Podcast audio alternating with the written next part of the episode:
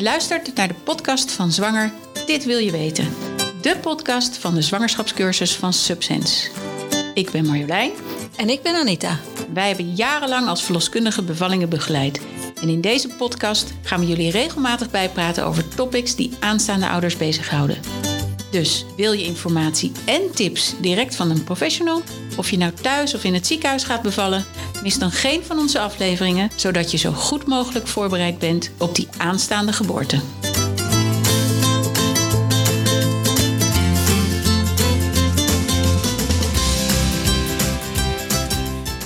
We zijn weer in de studio beland na twee leuke interviews te hebben gedaan. En we denken dat we een interessant onderwerp voor jullie hebben. En dat is namelijk de knip, oftewel de episiotomie, zoals die in het Latijn heet. Ja, we kunnen natuurlijk ook nog eventjes uitbreiden met een knip of een scheurtje. Ja, Of en dat heet weer een ruptuur Ja. in onze taal. Maar het kan natuurlijk ook zijn dat je zonder kleerscheuren er vanaf komt en dan heb je een gaaf perineum.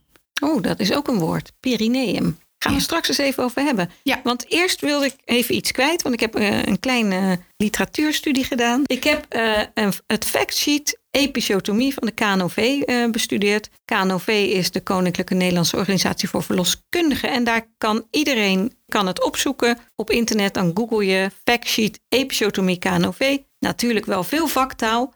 Maar na deze podcast weet je eh, meer. Als je geïnteresseerd bent in cijfers en ontwikkelingen wat dit betreft, kun je daarop kijken. Maar ik heb zelf gevonden dat voor 1980 het routinematig geven van een knip standaard was. Dus Dat bij is- elke bevalling een knip. Dat is echt wel heel ernstig, hè?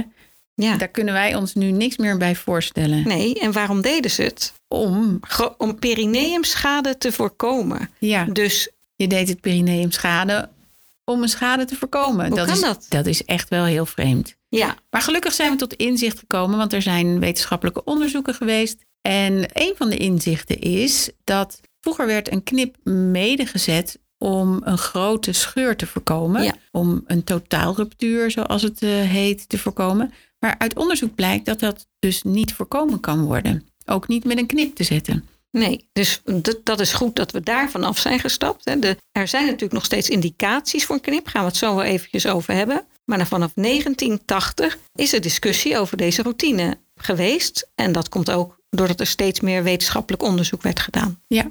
Kijk, veel mensen denken ook, dat krijgen wij terug in de cursus, dat eh, een verloskundige sneller klaar is als zij een knip zet. Als zij denkt van nou, hij moet er nu maar uit, want mijn dienst zit er zo op en hartstikke idee, dan heb ik een kind en dan, eh, dan is het klaar. Dat hoor je, ja. Dat hoor je. Maar dat is natuurlijk helemaal niet zo. Nee, Want wij moeten die knip ook weer hechten. Ja. Zeker in een thuissituatie is dat een klus. Ja. Ik zie mezelf nog zitten met een lamp op mijn hoofd en een schemerlampje achter mijn rug. huppakee, ja. Ja, want je wilt toch dat dat goed gemaakt wordt. Ja, en je weet, eh, je hoort mensen ook over, ik had 30 hechtingen. Nou heb ik denk ik niet vaak 30 hechtingen moeten zetten. Ik heb denk ik nog nooit zoveel hechtingen nee, gezet. Nee, maar het is wel zo dat je moet het in laagjes weer aan elkaar zetten. Ja, Nou, Je hebt de spieren, de wand van de vagina ja. en de huid. Dat is leuk dat je dat zegt, vagina. Veel mensen zeggen vagina. Nee, het is pagina. Ja, precies. Heel goed. Nou, gelukkig. Hé, maar wanneer heb jij nou trouwens voor het laatst jouw vagina bekeken? Wanneer heb jij je onderkant bekeken? Nou, ik denk eh, vorige week nog. Nou, Oké. Nou, heel veel mensen weten niet eens hoe het eruit ziet. Nee. En dat is verbazingwekkend, maar e- eigenlijk ook niet zo raar. Want als je vrouw bent, dan zit de boel redelijk verstopt. Ben je man, dan is het veel... Out in the open. Ja, precies. Dan bungelt het er een beetje bij. En dan kun je zien, nou, er is dit aan de hand. Of ik, ik ga dit eens bekijken. Maar als vrouw moet je wat meer moeite doen. Ja, Een dus handspiegel. pak een spiegeltje. Spiegeltje, spiegeltje aan de wand. Hoe is het met mijn onderkant? Precies. Die heb ik een beetje gestolen. Niet helemaal, maar toch een beetje van een huidtherapeute. Zij heet Lori. Eh, daarover straks meer. Zij heeft een, ehm, een blog en website Mama's Jungle. Jungle? Geen idee. Ja. Nou, het is geen jingle aan Het is de geen onderkant. jungle meer, want men scheert zich eh, enorm eh, tegenwoordig. Dus ik denk dat jonge mensen misschien ook wel wat beter hun onderkant kennen. Hè? Ja, maar kijk, kijken is niet altijd alles. Want je moet ook het gevoel hebben. Want hoe zitten jouw spieren daar in elkaar? Hoe dik zijn die spieren bijvoorbeeld? Dat weten veel mensen niet. Oké, ze hebben wel eens een tampon ingebracht, maar dan houdt het daarmee op. Maar als je nou eens een keer daadwerkelijk gaat voelen hoe dik die spier is, dan zul je je denk ik verbazen. En dan snap je ook dat het tijd nodig heeft voor zo'n kindje om langs die spier naar buiten te komen. Ja, maar goed, je zegt kijken is één, voelen is twee. Leer jezelf kennen en dan begin je misschien met kijken. En als je de spiegel er dan onder hangt, dan zie je van boven naar beneden. Ja, als je zeg maar op je bed ligt, dan noemen we boven je buikkant. Ja. Dus dan zie je van boven naar beneden. Eerst zie je je buitenste schaamlippen, de grote, de kleine schaamlippen. En daar bovenop zit de clitoris. Dan kom je iets naar beneden, daar zit je plasbuis. Daar weer onder, als je je vinger naar binnen doet, je vagina. Dus eigenlijk het baringskanaal, een beetje geribbeld aan de binnenkant. En daar weer onder, dan krijg je een stukje huid. Dat is het perineum. Precies. En dan komt je anus. Ja, en als je gaat voelen, dan zeg jij altijd, dan vergelijk jij het met je wang. Ja, als jij uh, je duim aan de binnenkant van je mond zet en je wijsvinger aan de buitenkant, dan voel je je wangspier. En wel een beetje diep. Hè? Ja, niet, niet diep dat, naar uh, achteren. Dus ja, echt tegen je achterste kiezen aan. Ja. Dan voel je die wangspier en die is redelijk dik. Die is soepeler dan je bekkenbodemspier. Maar je bekkenbodemspier is ook iets dikker. Maar dan heb je een beetje een idee hoe die spier aanvoelt. En dat je die spier moet kunnen oprekken. Nou, als je dat in je mond doet, dus je zet je duim en je wijsvinger en je, je masseert zeg maar heel stevig die wangspier, dan voel je dat echt. Veel mensen hebben, vinden dat een naar gevoel. Maar als je dat dus aan je onderkant doet, heb je ook zo'n gevoel. Maar dat gevoel ga je wel krijgen tijdens die bevalling.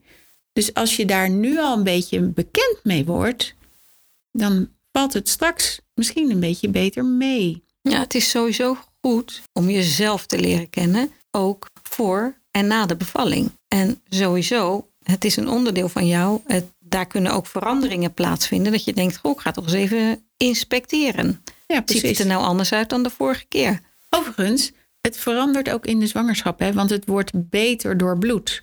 Dus je zult merken dat aan het einde van je zwangerschap je vulva, zo wordt het hele gebeuren daar beneden genoemd, dat die een beetje opzwelt en wat meer door bloed wordt. Dat voel je ook. Veel mensen zeggen ook. Een zwaar gevoel. Ja, zwaar gevoel. Alsof er een behoorlijke massa is. Ja. En dat is niet het hoofdje wat er zit te drukken. Hè? Nee, dat denken sommige mensen ook. Ja. Maar het is dat er zoveel meer vocht naartoe gaat, dat er meer bloed naartoe gaat, dat al die spiervezels wat uit elkaar gaan, dat er dus meer ruimte, ruimte. komt. En dat is eigenlijk de natuurlijke manier van het voorbereiden op de naderende geboorte. He, er moet ruimte gecreëerd worden. Maar nou is er ook, als we het hebben over uh, leer je bekkenbodem kennen, dus ook voelen, dan is er ook een fenomeen dat heet perineummassage. Ja. En over perineummassage is men het niet helemaal eens, want ene wetenschappelijk onderzoek zegt, nou dat gaat je wel helpen. Hè? Incidentie van knippen is daardoor verlaagd. En een andere wetenschappelijk onderzoek die zegt, nou, het is leuk dat je het doet, maar het helpt zin. niet. Ja. Nou, het heeft natuurlijk sowieso geen zin als je zo'n potje perineemolie koopt en je gaat dat heel zachtjes invrijven. Dan komt het nou in je opperhuid en dan heb je het wel gehad. Dus je moet ook daadwerkelijk wel die spier echt goed knijpen, masseren en hem dan beter van bloed voorzien, waardoor die misschien uh, wat soepeler gaat worden. Ja. Dus het is niet zomaar van ik wrijf een beetje en dan is het oké. Nee. Um, je moet er daadwerkelijk wel even wat, wat druk op zetten. Ja, en dan uh, als je dat doet, is het ook niet, hoef je dat ook niet elke dag te doen. Hè? Als je dat nee. twee keer per week doet, is dat prima. Van ons hoef je het niet te doen. Maar uh, het is ook wel een manier om jezelf te leren kennen. Ja, Hoe om... voelt het nu? Hoe, uh, om, om je in elk geval bekend te maken met het gebied. Want er zit toch altijd een taboe op. Ja, en dat is niet nodig. Nee. Die perineummassage kun je dus doen met gewoon olijfolie, kokosolie kan ook. Kokosolie, je kan ook een beetje uh, vaseline nemen. Maar vind je vaseline zo lekker uitsmeren? Nee, zo dik? Nee, maar sommige mensen kan hebben wel, dat als het wel. maar vettig is. Ja. ja. ja. Maar goed, dat is perineummassage. Ja, sommige mensen geloven er enorm in. En ik kan me er aan de ene kant ook wel wat bij voorstellen. Um, maar dat zou dan eventueel de kans op een knip verlagen. Misschien ook niet. Maar wat ook uh, de kans op een knip verlaagt, en dat is wetenschappelijk wel aangetoond, is dat warme washandje. Ja. Wat, wat is daar eigenlijk. Uh... Nou, kijk, als je een spier wil laten rekken, en dat moet er gebeuren tijdens die geboorte, moet die hele bekkenbodem, de uitgang van je baringskanaal, moet enorm oprekken. Als je dat wil bewerkstelligen, dan als je warmte toevoegt, wordt die spier soepeler en rekt die makkelijker. Je Warme spieren rekken beter. Ja, Daarom heb je de hot yoga. Ja, als je in de hot yoga studio staat, dan kom je met gemak meestal bij de grond met je vingers. Terwijl misschien op je normale mat, dan denk je nou, ik moet nog even een paar, eerst een paar keer doorbuigen, wil ik die mat raken. Maar in de hot yoga studio gaat het veel gemakkelijker. En daar kan je dus gebruik van maken. Dus wij zeggen, als je nou gaat persen, zet dan een warm washandje, dus met warm water, simpel, iedereen kan het, tegen je onderkant aan, tegen je perineum. Continu een warm washandje zorgt ervoor dat die spier goed warm wordt en makkelijk kan rekken. Ja, en het grappige is, dit weten verloskundigen ook. Tuurlijk, en die maken daar ook gebruik van ja. tijdens de geboorte. Want ook een ander ding is risico op een knip of scheur heb je natuurlijk als je gaat bevallen. Logisch. Je hebt minder kans op een scheurtje door dat warme washandje. Daardoor heb je denk ik ook minder kans op een knip. Want als het al soepel en makkelijker gaat, waarom zou je dan een knip zetten? Over de indicaties gaan we het straks nog even hebben. Maar er zijn nog meer dingetjes die je kan doen om te zorgen dat, dat je geen, uh, geen knip of een scheur krijgt. Goed luisteren. Naar je verloskundige. Precies. Want weet je wat het is? Op een gegeven moment mm, gaat zo'n kindje natuurlijk, zakt die steeds verder, millimeter voor millimeter. En dan komt er een moment dat hij bijna geboren wordt. Maar dat is ook wel een heel vervelend moment, want dat is ook het moment dat die spier maximaal gerekt is. En als jij dan denkt, nou, nu ben ik er zo klaar mee, ik, ik voel zoveel pijn en ik pers er nog één keer uit mijn tenen keihard, dan kan het zijn dat je het kindje als het ware rechtdoor lanceert, als het ware. En dat met dus bekkenschade. Met bekkenschade. Dus de, de, die spier is dan zo uitgerekt en die heeft nog maar een klein tikkie nodig en dan zegt hij pats. Terwijl als je verloskundige je dan begeleidt en zegt: Oké, pers maar een klein beetje en kom maar een klein beetje voorzichtig, dan kan het kindje mooi zijn hoofdje deflecteren, noemen we dat. En dan kan die als het ware er vanzelf mooi uitkomen. Als ik nou kijk naar, nog even naar dat factsheet van de KNOV, dan uh, zegt men dat de goede communicatie tussen zorgverlener en barende, hè, daar hebben we het nu over, dat dat uh, minder kans geeft op een scheur. En de barenden vragen om niet te persen. Dat kan soms ook. Hè? Dan heb je een W ja. en dan zeg je... Nu even niet. Niet persen, want dan komt de baby op de weeënkracht. Dus de W drukt hem er dan uit, zeg maar, stukje voor stukje. En dan doe je zelf niets. Dus dan zucht je. Maar daar helpt je verloskundige je mee. En wat hier ook staat, de kans op een EPI is lager wanneer de barende vrouw een andere baringhouding aanneemt dan liggend op de rug. Nou, daar zijn inderdaad bewijzen voor. Dus er zijn, is onderzoek naar gedaan. Als je niet op je rug ligt, ja, wat ben je dan aan het doen? Dan zit je op de kruk. Dan zit je waarschijnlijk op de kruk. Of op handen en dus knieën. Dan heb je eigenlijk ook minder kans op een EPI. Want het, één indicatie is er dan waarschijnlijk niet. En dat is niet vorderende uitdrijving. Nee. Want op de kruk gaat het sneller. Is ook zo, want je zit met je knieën wat hoger. Dus je baringskanaal loopt als het ware verticaal. En dat, dan hoeft een kindje niet een enorme bocht te maken, die die wel moet maken als je in je bed ligt. Plus de zwaartekracht. Ja. Dus ja, dat is eigenlijk uh, logisch. Indicaties voor een, een knip. Indicaties voor een knip. Ja, vroeger vonden we een moederlijke indicatie. Dus als het perineum heel strak was, vonden we dat ook een indicatie. Tegenwoordig hebben we dat niet meer. Is eigenlijk wel verlaten. Ja, steeds ehm, minder indicaties zijn er om een knip te zetten. Hè? Ja, maar een dijk van een indicatie blijft natuurlijk altijd als het kindje benauwd heeft. Als die aangeeft dat hij eruit wil, en dat kan je horen aan de harttonen van de baby, die continu geluisterd worden natuurlijk tussen weeën door. Ehm, dan is het zo dat als hij aangeeft van nou, uh, ik vind het niet zo fijn meer, dan kan het zijn dat je verloskundige een knip moet zetten. Ja, overigens, uh, schrik er niet van als wat Marlijn nu net zegt. Hè, tussen die weeën door, tussen die persweeën door, luistert de verloskundige naar elke wee de harttonen. Schrik er niet van dat die laag zijn. Nee. Maar de verloskundige weet echt wel wanneer ze laag mogen zijn. Ze zijn bij elk kind laag na een wee, maar ze trekken weer op. Maar schrik daar niet van. En schrik ook niet van het volgende geluid. Dus even kijken waar hij is.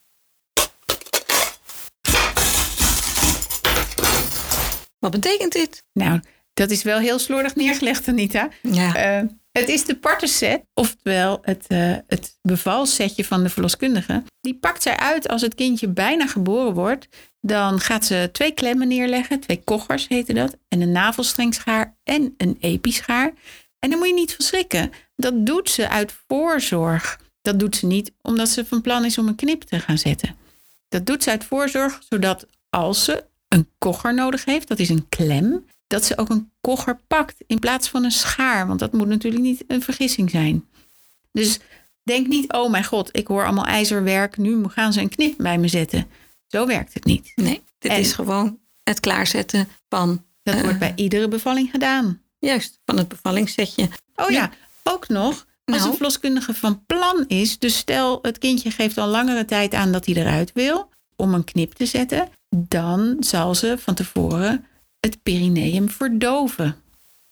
Want ze heeft eh, verdovingsspul bij zich in de tas. Ja, Dus ze heeft eigenlijk alles nodig eh, om een knip te kunnen zetten, maar ook om de boel weer netjes aan elkaar te hechten. En verdoving is natuurlijk eh, belangrijk. ja, Ehm, dus ze zal het verdoven. Hoe naar is dat allemaal? Iedereen ziet er, ziet daar toch ja, tegenop, tegen dit soort dingen. het is natuurlijk niet leuk. Laten we wel zijn, hechtingen krijgen is nooit leuk. Dus, maar ik denk dat mensen er banger voor zijn dan dat het daadwerkelijk hoeft. Maar die knipzet, Die knip zetten, daar voel je nagenoeg niks van. nee, nee. Ik heb menig knip gezet en dan wist de meneer wel dat de knip gezet werd, want die keek dan, die keek dan even weg. En mevrouw had het vaak niet eens door. Nee, het is wel zo dat je loskundige zal je wel laten weten dat ze een knip gaat zetten. Ja. Als dat, Nou, dat zei ik ook altijd wel. Ik zei ook ja, altijd maar het wel. niet je, altijd binnen. Maar dat komt niet binnen. Je bent zo bezig. Ja. En dan lag het kindje verder eh, eh, blakend op de borst. En dan zei ik, goh, ja, ik moet nog wel even hechten, want ik heb een knipje moeten zetten. Ja. En dan keken ze me echt aan van, "Oh, hoe bedoel je? Ik heb niks gevoeld. Ja, ja. Maar dat geeft wel aan dat dat laatste stukje van de bevalling ook wel een pijnlijk stukje is. ja, je- Kan zijn. ja, nou ja, je, weet je wat het ook is? Die huid, die, de baby komt eruit, die huid wordt super dun. eh, het bloed trekt er een beetje uit. Hè? Met dat washandje probeer je het bloed weer terug te krijgen. Want je doet dat washandje erop en dan is het zo warm dat het bloed weer terugstroomt naar het perineum, naar de onderkant. Daardoor is het ook weer levend, eh, soepeler weefsel. Maar als het heel strak is, waardoor eh, je bijvoorbeeld zou kunnen gaan scheuren, of waar dan een knip in gezet wordt, dan is het zo strak, het bloed is eruit, de zenuwen worden eh, afgekneld, dus je voelt ook niet zoveel meer. Nee. Maar wat mensen wel vaak voelen, hoor je, dat, dat ze het voelen branden. Ja. Soms denken mensen, oh, het brandt zo erg. Ja. Het scheurt. Maar ook dat voel je niet, Nee. hè? Scheuren voel je niet. Nee. Dat branden voel je, dat noemen ze de ring of fire. Daar moet je gewoon doorheen. Maar Ja. met dat washandje blijkt dat ook minder te zijn. Ja, het washandje is eigenlijk een beetje een, een wondermiddel. Ja, makkelijk. Eh, makkelijk, goedkoop en eh, ja, het kan altijd toegepast Hey, worden. en wat is nou erger, een knip of een eh, scheur? Als je nou moet kiezen. Ja, als je moet kiezen. Ik denk, eh, niemand kiest voor een knip. Maar als het moet, moet het. En als het ten goede komt van de conditie van je baby, dan, dan denk je er denk ik niet eens over na. Ik denk dat het niet zo erg is. Maar dat is mijn mening. Nee, maar wat is lastiger? Ehm, een knip of een scheur? Oh, op zo'n manier. Ehm, ik denk eh, dat je een scheurtje eh, is vaak alleen maar de grootte van daadwerkelijk wat het heeft moeten zijn. Ja. En een knip is vaak groter dan dat het heeft moeten zijn. Ja, Eh, dus ik denk dat, dat je beter af bent met een scheurtje. ja. En ja het, het, het geneest ook mooier, zegt men. Ja. Hè? Ik denk ook dat je, dat je ervan uit moet gaan dat, zeker als je je eerste kindje krijgt, dat je wel een scheurtje hebt. Dan ben je echt heel erg, nou, een mazzelaar als je geen scheurtje hebt. Ja, meestal heb je wel iets van een scheurtje. Ja, een klein en soms iets. is het ook maar een, hoeft het niet eens gehecht te worden. Nee, soms Of is het heel oppervlakkig. Ja. Ja. ja. Nou ja, een scheurtje of een knip. Ja, het, is niet altijd te voorkomen. Nee, ik denk dat je, dat je niet bang hoeft te zijn voor wat er te wachten staat. En ik denk ook dat je moet weten dat de natuur heel mild is, dus dat het heel snel weer geneest. juist omdat het gebied zo heel mooi doorbloed is. Ja, slijmvliezen genezen ook ehm, snel. En dat moet ook, want het moet natuurlijk wel weer gelijk eh, gebruikt kunnen worden.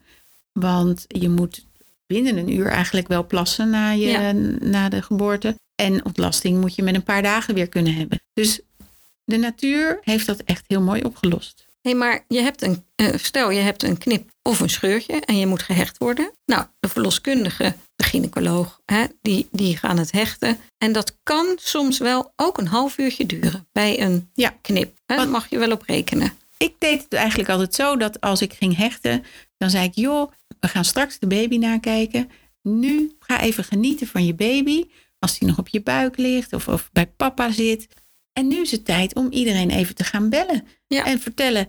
En echt, Het wordt goed verdoofd. het, het wordt goed verdoofd. Je voelt, net als bij de tandarts, als je goed verdoofd bent, dan voel je de tandarts wel een beetje morrelen, maar je voelt geen directe pijn meer. Nee, Zo wordt het ook aan de onderkant verdoofd. Dus je kunt rustig gewoon eh, gezellig met elkaar je verwonderen na- ehm, aan je nieuwe baby.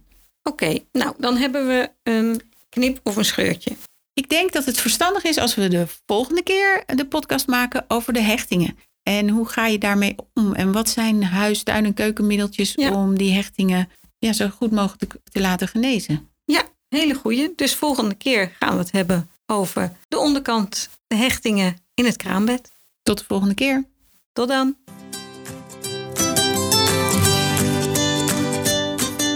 Je luisterde naar de podcast Zwanger, dit wil je weten van Subsense. Mede mogelijk gemaakt door Koffiecode Podcast. Je kunt ons volgen via Insta, Facebook, LinkedIn en onze site www.subsense.nl.